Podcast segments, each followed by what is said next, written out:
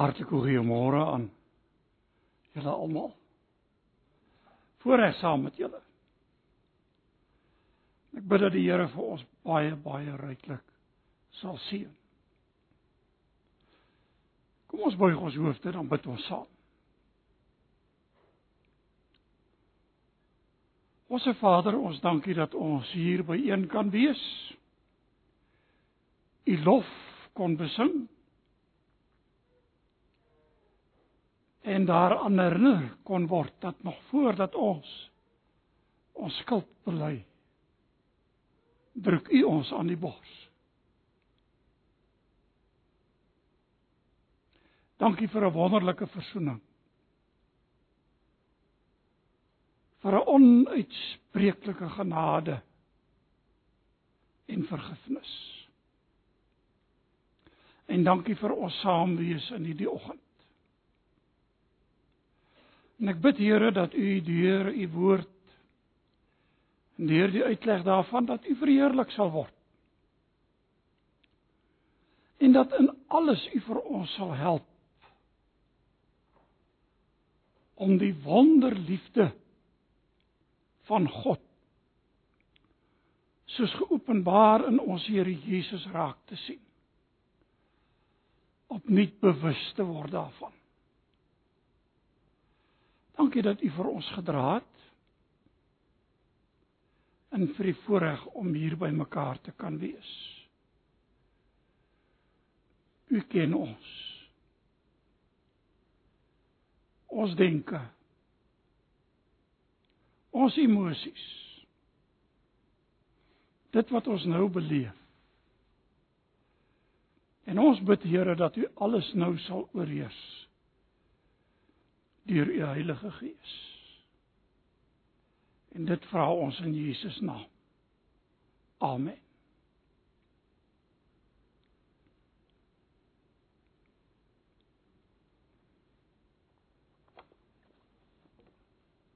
Nou broers en susters, so tydjie gelede, dis nou 'n klompie weke terug, het ek die voorreg gehad om met u iets te deel oor die nagmaal. En ek het by daardie geleentheid onderneem ek wil ook met julle iets deel oor die doop. Nou daar's 'n rede voor omdat ek nogal van mening is dat ons baie baie min oor die doop preek. En as ek nou sê ons, dan is ek nou deel van die ons. Miskien so nou en dan by 'n doopgeleentheid sal die prediker by daardie geleentheid 'n boodskap oor die doop bring. Maar sommer so gewoonweg terwyl daar nie 'n doopgeleentheid is nie selde of ooit. En nou het ek nogal gedink omdat dit vir myself persoonlik baie beteken het. En omdat ek besef het hoe min verstaan ons werklik van die doop en die betekenis daarvan. Is dit tog nodig? En is dit my verlange om dit wat vir my iets te beteken het, dit met julle te deel. Met die bede dat dit ook vir julle iets gaan beteken. Nou ek gaan twee baie bekende skrifgedeeltes lees. 'n Gedeeltes wat julle waarskynlik uit die kop uit ken. In die eerste een is die afsluitingsgedeelte van Matteus 28 Matteus 28. En ons weer daar op die berg. En miskien moet ek julle net herinner daaraan.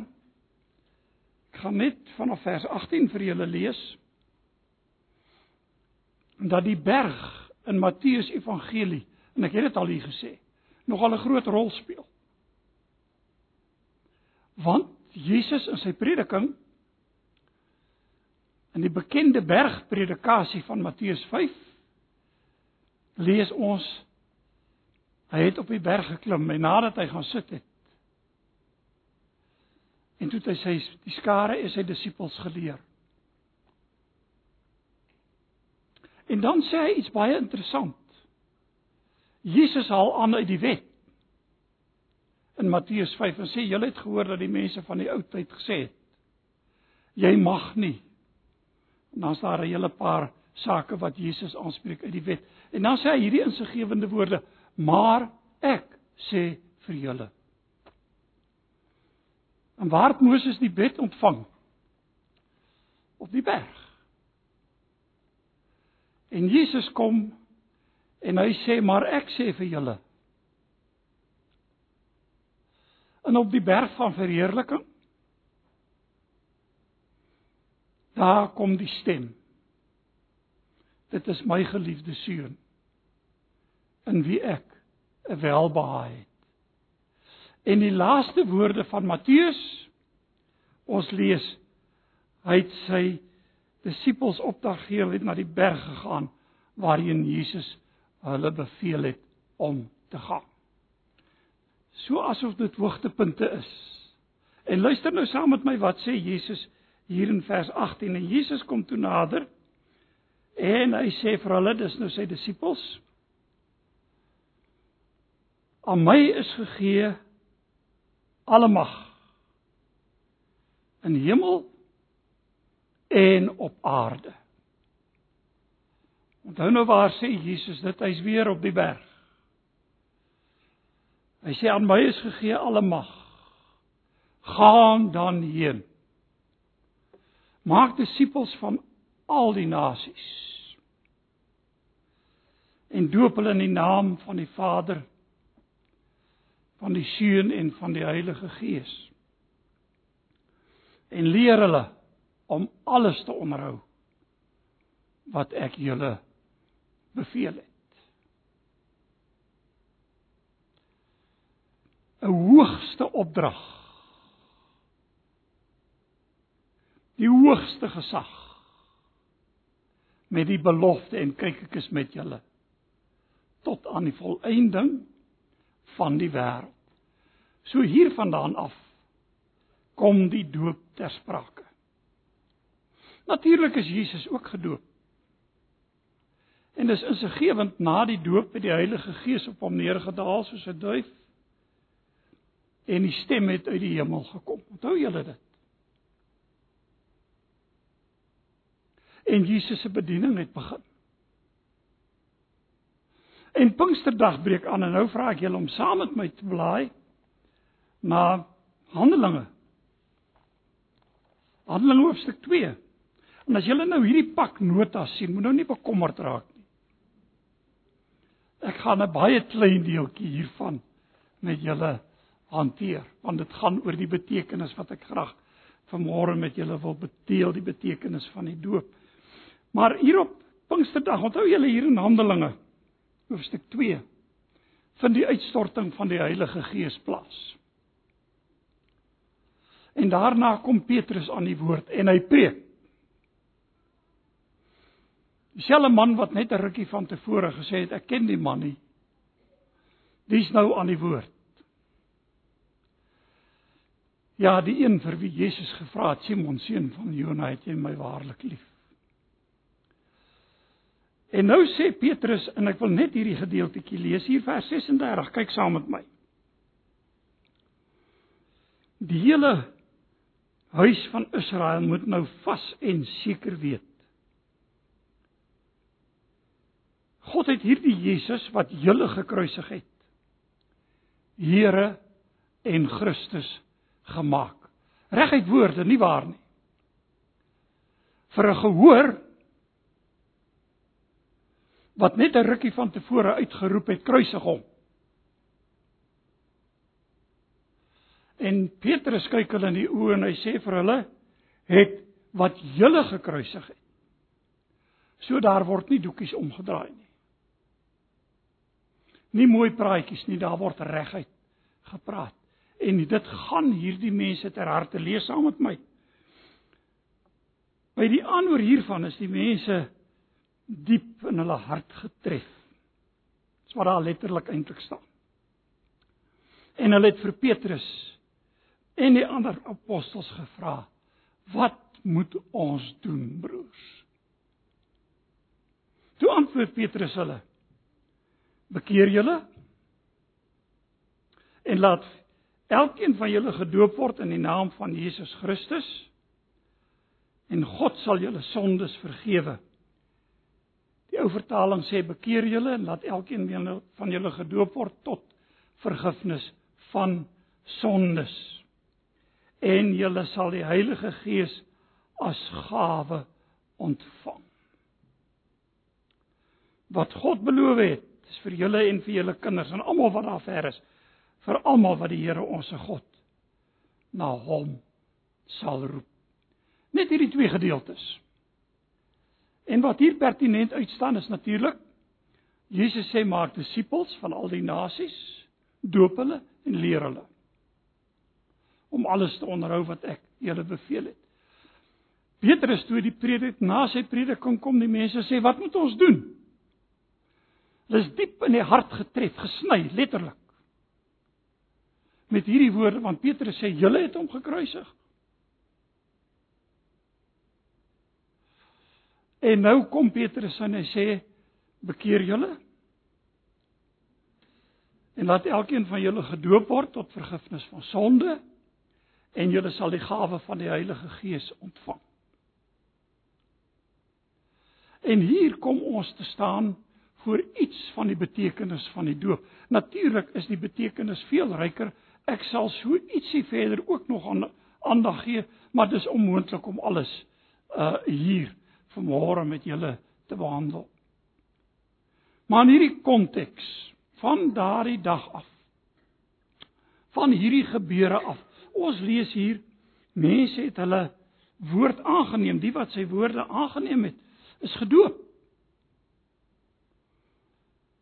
En daar's omtrent die dag 3000 mense bygevoeg. Kan jy dink? Nou ek weet baie ouens het nou al gesê, maar hoe kan 3000 mense gedoop word? Nou onthou Petrus was nie alleen nie, dis die een punt en natuurlik was daar baie reinigingsbaddens.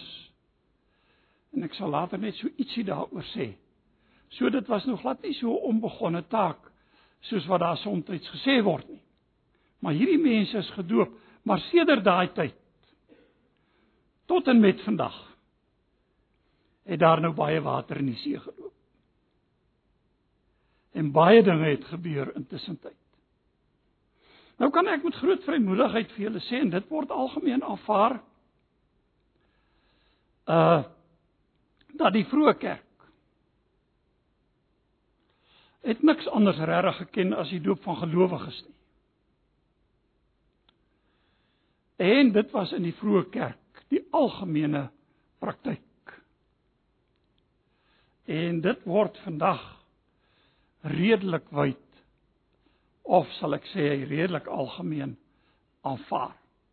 So by so dat 'n Rooms-Katolieke teoloog met die naam van Schnackenburg Rooms-Katoliek nogal van alle mense gesê het die Nuwe Testamentiese kerk het niks anders geken as die doop van gelowiges nie. En natuurlik is dit so. En die doop is bedien in die vroeë kerk, maar nou die jare aangeloop En hier is so plus minus 120 130 na Christus en daar's geskrifte daaroor. En wat ek nou sê het ek nou self nageslaan, so ek vertel net vir julle storieetjies nie. Het dan nou al so 'n bietjie verandering plaasgevind wat die doop betref, want daar word gesê as jy nou iemand doop, dan moet jy hom eers leer. En dan moet hy vas. En dan nadat hy gevas het, kan jy hom doop. En dan maak hy 'n uitsondering sê en as daar nou nie genoeg water is nie, dan word jy toegelaat om te besprinkel. Maar dit gee vir ons 'n aanduiding. En die geskrifte, kan julle maar vir my vra, kan vir julle sê jy kan dit gaan naslaan. En ek dit dateer so plus minus 120 130 na Christus. En party sê 150, maar dis nagenoeg. Om vir ons te wys wat het gebeur. En so die vroeë kerk aangegaan. Die normale prentjie was die doop van gelowiges. Maar die geskiedenis het geloop. En die ding het verander. In die vroeë kerk is daar vir 'n ou voor hy gedoop is gevra: "Glo jy?" Glo jy in die Vader, die Seun en die Heilige Gees? En dan moet so 'n persoon hardop bely ek glo voordat so 'n persoon gedoop is. En toe met die verwikkeling van tyd het die dinge so 'n bietjie begin verander. Jy sien met die geweldige hoë mortaliteitssyfer onder kinders het daar vrae begin ontstaan wat nou van klein kindertjies van babatjies wat te sterwe kom. En hier later van tyd hier teen die 6de eeu onder keiser Julianus is daar 'n wet uitgevaardig wat gesê het alle suigelinge moet gedoop word. Nou ja, hier het die geskiedenis geloop, want u ken van die geskiedenis tot by die hervorming. By die hervorming Martin Luther het gekom en hy't baie dinamies en ons glo dit met ons harte. Geloof alleen, nie waar nie. En Luther het sterk gestaan op die woord alleen. Maar Luther sit toe met 'n praktyk van suigeling doop binne in sy eie geleedere. Nou wat gesê van die suigeling doop? En Luther kom toe met 'n antwoord vorendag en sê nee, maar ons moet aanvaar suigelinge kan ook glo. Nou ja. Uh hoe ver ou nou hierdie saak kan voer, weet ek nie. Calvin en Zwingli was nie gewillig om die saak so ver te voer nie. Hulle het dit so 'n bietjie anders hanteer. En uiteindelik het Calvin vorendag gekom te same met Zwingli met die verbondsteologie waar gesê het is ook 'n kind van die verbond. En daarom te suigeling dan gedoop word. Maar ek kan agterkom dat hierdie hierdie soort van gesprek het heel laat eers in die tydens die kerkhervorming begin. Ons het nie voorbeelde daarvan in die Nuwe Testament self nie. Nou ek gaan nou nie daarop in nie. Ons weet van plekke waar waar ons lees dat hy en sy huis is gedoop, maar dis nadat die woord aan hulle verkondig is.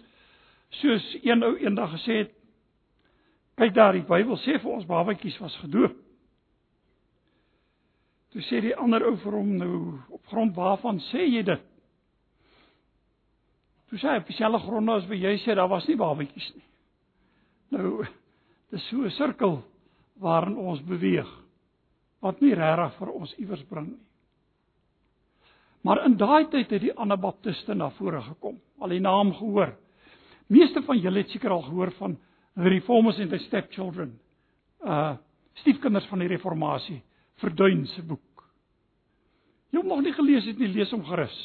Jy behoort hom iewers in die hande te kan kry.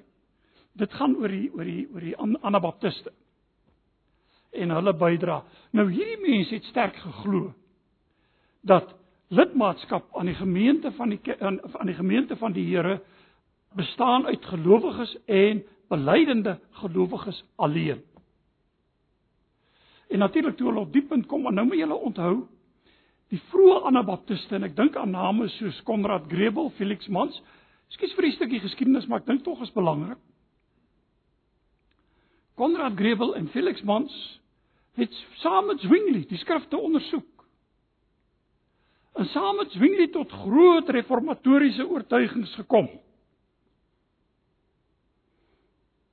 Uiteindelik het Zwingli omgedraai. Want Konrad Grebel, Felix Mans het gesê wel, dan beteken dit net die doop van gelowiges kan aanvaar word. Aanvanklik het Zwingli met hulle saamgestem. Maar onthou die kerk en die staat was baie nou aan mekaar in daai tyd. En Zwingli het begin groot teëspoed kry. En hy teen Konrad Grebel en Felix Mans gedraai. En die eertydse vriende het nou opponente geword. Dis tragies. En weet julle wat? Hier en ek is nou ek ek, ek is nou nie seker ek wil net seker maak van min of meer die datum dat ek daarom nou nie vir julle heeltemal in die war bring nie. Ek dink is 27 Januarie. Ja, hier het ek dit. 25 Januarie. 1527. Toe word een van hierdie anabaptiste Felix Mans vasgebind, sy bene opgetrek en sy arms afgetrek teen mekaar met 'n stok deurgesteek en vasgemaak. En is in 'n rivier gegooi om te verdrink. Deur Ek hoop julle is stewig. Protestante.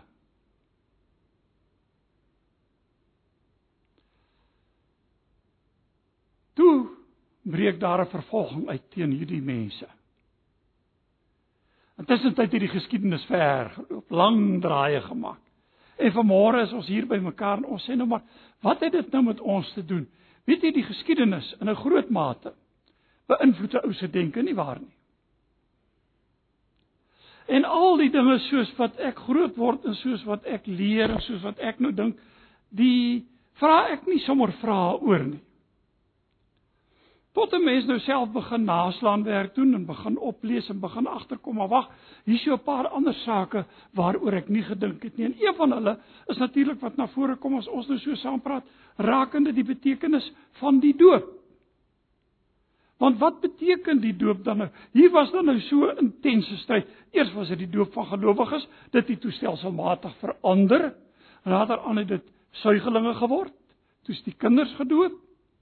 En toe kom die hervorming en toe kom daar weer 'n reaksie teen die gebruik van suigelingdoop en uiteindelik nou ja, soos ons die geskiedenis ken, hier sit ons vanoggend nou, ek weet nie of almal baptiste is nie. Maar meeste van ons bely die doop van gelowiges. En nou wil ek daarom vir julle sê broers en susters, as hier nou ouens is wat anders dink oor die saak, ek is nie hier om aan te val nie. Ek is hier om 'n saak te stel. En ek wil net hê julle moet saam met my kyk en sê, maar wat beteken die doop? Want dis 'n onderwerp waaroor ons nooit praat nie. Weet julle waaroor praat ons? Is dit gelowiges wat gedoop moet word? Of mag suigelinge ingesluit word by die doop? En indien wel, hoekom? Maar weet jy die gesprekke gaan nooit werklik oor maar wat beteken die doop nie. En ek dink nogal dis die plek waar ons moet begin as ons oor die doop praat om te sê maar wat beteken die doop? Nou weet julle, ek het nou 'n paar dinge neergeskryf. En ek het nou 'n hele klomp sake, maar ek gaan net aan enkeles aandag gee. Kom ons gaan na die gedeelte wat ons saam gelees het hier in Handelinge 2. By die aanhoor is die mense nou diep getref. Hulle het geroep, "Wat moet ons doen?" En Petrus sê, "Bekeer julle. Laat elkeen van julle gedoop word in die naam van Jesus Christus en God sal julle sondes vergewe." Ou vertaling bekeer julle en laat julle doop in die naam van Jesus Christus tot vergifnis van sonde. Hier word drie sake genoem, nie waar nie? Bekeer, bekeer julle. Nou vir wie preek Petrus? Petrus preek hier vir 'n skare mense, Jode en Jode genote. U kan maar gaan kyk in die vorige gedeelte veral hier in hoofstuk 1. En hy preek vir hierdie mense met hierdie agtergrond, agtergrond van die besnydenis.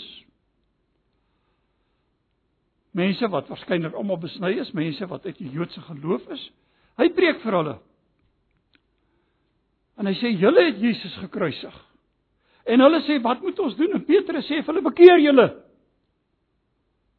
Met ander woorde daar 'n ander era aangebreek. Jesus het na hierdie wêreld gekom. Die vervulling, die absolute vervulling van die ou verbond. Jesus het gekom om in jou en in my plek te kom staan. En Petrus spreek en hy sê vir hierdie mense toe hulle sê wat moet ons doen? Bekeer julle. Met ander woorde dis 'n omdraai, om 'n swaai. Draai julle om. Keer julle rug op die verlede. En Petrus het nie daarmee vir hulle gesê gooi die Ou Testament weg nie. Dis nie waaroor dit gaan nie. Maar Petrus praat van 'n nuwe era wat aangebreek het. Hy sê bekeer julle en laat elkeen van julle gedoop word. En weet julle dit sluit aan by wat ons nou pas gelees het hier in Matteus toe Jesus die opdrag gegee het, het hy gesê gaan dan heen na al die nasies toe, maak mense my disippels en doop hulle. Nou hierdie maak my disippels het uitgereik na alle nasies. Dit was nie meer die Joodse volk nie. Dit was alle nasies. En dis die boodskap van Petrus daar op Pinksterdag en toe die mense sê wat moet ons doen? Is sy eerste oproep: bekeer julle. Spraak van die doop van bekering. Nou ja, nou weet julle, Johannes die Doper word ook na verwys na die doop wat hy beoefen het as die doop van bekering. Maar onthou Johannes die Doper se doop was nie presies dieselfde as wat Jesus van praat nie. Want Johannes die Doper se het vorentoe gewys. Is julle met my? En Jesus se verwys terug. Johannes die Doper het vorentoe gekyk en daarom praat ons van Johannes die Doper as 'n voorloper van die Christelike doop wat ons vandag ken. Maar dit was 'n doop van bekering. En nou is dit baie interessant as ons praat van doop van bekering. Het 'n ou vriend van my en hy's 'n prof by Pretoria Universiteit, gespesialiseer in Grieks. Vir my gesê as jy dit letterlik reg wil vertaal, moet jy praat van die doop wat op die bekering volg. Maar dis presies wat Petrus vir hierdie mense sê: Bekeer julle en laat julle doop. En weet jy wat vir my so treffend is van hierdie hele saak? Is dat hier in die water, hier in die doop, hier is 'n openlike belydenis teenoor die ganse wêreld van 'n totale omeswaai in die mense se lewe. Met ander woorde waar die dopeling water betree en die ganse wêreld wat dit kan sien daarvoor bely hy openlik hier staan ek my lewe het omgedraai My fokuspunt het absoluut verskil. Dit gaan nou om Christus en Christus alleen. En broer en suster, nou wil ek net een ding vir julle sê asseblief. As ek hierdie dinge sê, ek glo nie aan doopsweergeboorte nie. Onderstreep dit in julle denke. Met ander woorde dat die doop jou red nie. Maar dat die doop en bekering baie nou aan mekaar verbind is, laat laat geen twyfel lees wat sê die teks. In die teks sê meer as dit. Die teks sê nie net bekeer julle nie, maar hy sê bekeer julle en laat elkeen van julle gedoop word tot vergifnis van sonde. Nou die ou vertaling sê tot vergifnis van sonde. Ek het hierdie gaan naslaan en dit kan vergelyk word met Jesus se woorde in Matteus toe hy sê die Nuwe Testament, my bloed van die nuwe verbond. My bloed van die nuwe verbond, sy bloed wat verwys dan na die nuwe verbond en hier kom hierdie gedeelte en dan sê Jesus daar uh in in in in Matteus verwys hy as hy na hierdie nuwe verbond verwys, julle het deel daarvan geword. En nou kom Petrus hier en hy sê tot vergifnis van sonde bekeer julle laat elkeen van julle gedoop word in die naam van Jesus Christus tot vergifnis van sonde. Nou let net op. Hierdie tot vergifnis van sonde staan nie los van bekering nie. En dis vreeslik belangrik om dit te verstaan. Die tot vergifnis van sonde hou nie net vas aan die doop nie. Maar hierdie vergifnis van sonde tot vergifnis van sonde kom van bekering af. Doop tot vergifnis van sonde. En weet jy hoekom doen die Bybel dit? Omdat hierdie mense 'n baie nouer en intieme verband tussen die evangelie en die doop gesien het as wat ons dit ooit sien. Kan ek dit sê? Vat julle Bybels en blaai saam met my. Handelinge 22. Wil jy regtig julle moet daarna kyk? Handelinge 22 vers 16. Paulus kom tot bekering. Hy vertel daarvan op pad na Damaskus. En aan al die gebeure lees ons nou vir Paulus wat wat die Here nou vir Paulus sê en nou Waarom versuim jy? Kom en laat jou doop. Sit jy stewig en jou sondes afwas. Nadat jy die naam van die Here, die ou vertaling sê terwyl jy die naam van die Here aanroep. Dis beter vertaal nadat jy die naam van die Here aangeroep het. Paulus sê nie die doop as sodanig sonder die bloed van Jesus of hierdie gedeelte in Handelinge sonder die bloed van Jesus Christus was die sonde af nie. Glad en geheel nie. Paulus sê laat jou sondes afwas deur die doop omdat waar dit verbind is aan Jesus se kruis, sy sterwe, sy opstanding. Daaraan is dit verbind. So is die doop ten nouste verbind aan die evangelie. Staan nie los daarvan nie. En as Petrus dan nou in hierdie gedeelte sê, bekeer julle en laat elkeen van julle gedoop word in die naam van Jesus Christus tot vergifnis van sonde, dan sê hy en julle sal die gawe van die Heilige Gees ontvang. Kan u sien die eenheid?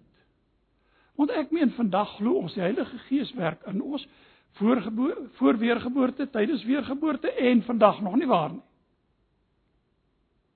Want dis alleen die Gees van God wat ons kan oortuig van sonde, van geregtigheid en oordeel. Dit sê die Bybel. Maar hierdie werk van die Heilige Gees word interessant genoeg ten nouste verbind aan die totale evangelie. Met ander woorde net soos wat die doop ook aan die evangelie verbind word. Nou kan julle verstaan dat ek sê ek glo nie dat die doop red nie. As sodanig nie kan dit nooit sê nie. Die bloed van Jesus Christus en Jesus Christus alleen reinig ons van alle sonde. Maar dat dit ten nouste verbind word en vir Paulus gesê het waarom versuim jy staan op laat jy doop en jou sondes afwas is as gevolg van hierdie intieme verbintenis tussen die ganse evangelie en dit wat Paulus beleef het en julle sal die gawe van die Heilige Gees ontvang. En nou gaan ek net kortliks want die tyd gaan vinniger as wat ek wil hê hy moet moet gaan. Net jy moet vinnig saam met my blaai. En hieroor het ek al met julle gepraat, dis nou 'n hele paar jaar terug. Romeine, ek het julle klompie jare terug 'n hele reeks hier so op 'n gereelde basis uit Romeine uitgebring. Eintlik omtrent die hele boek deurgewerk. Nou ek het toe verwys na Romeine 6, maar natuurlik baie kortliks en ek wil net hê julle moet saam met my kyk. Paulus skryf aan aan die Romeine. Hy sê toe hy voor die genade van God kom, toe sê hy dis so groot. Dis so wonderlik. Sal ons net maar aanhou sonde doen dat die genade meer kan word. Dan sê Paulus Romeine 6 vers 1. Sal ons dan aanhou sonde doen sodat die genade kan toeneem? Beslis nie. Hoe kan ons wat dood is, wat gesterf het vir sonde nog daarin lewe? Luister nou mooi. Of weet julle nie dat ons almal wat in Christus Jesus gedoop is, in sy dood gedoop is nie? Deur die doop is ons immer saam met hom in sy dood begrawe, sodat soos Jesus deur die wonderlike magstaat van die Vader uit die dood opgewek is, ons ook so 'n nuwe lewe kan lei. En nou kan julle maar Bybelkommentare gaan naslaan selfs modernes. Die meeste sal vir jou sê hier het ons daar 'n pragtige illustrasie van die doop deur onderdompeling. Maar ek wil net vir julle een ding sê, Paulus praat nie net van 'n simboliek hier nie. Julle die woord simbool opgetel daar. Nêrens nie. Hoekom nie? Paulus sien dit as so eenheid. Hy sê ons is hier waar ek deur die doop gaan, saam met hom begrawe, sigbaar. Deur die doop in die dood en saam met Christus opgewek in 'n nuwe lewe. En hier is die hart evangelie. Daarom is daar so intieme verbintenis tussen die totale evangelie en die doop. En staan dit nie geïsoleerd van mekaar nie.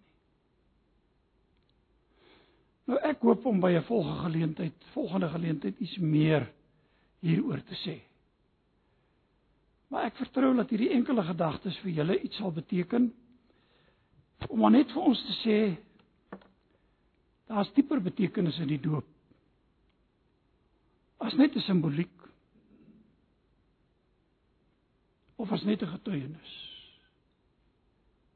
Kom ons buig ons hoofde in gebed. Dankie Here vir hierdie oomblikke.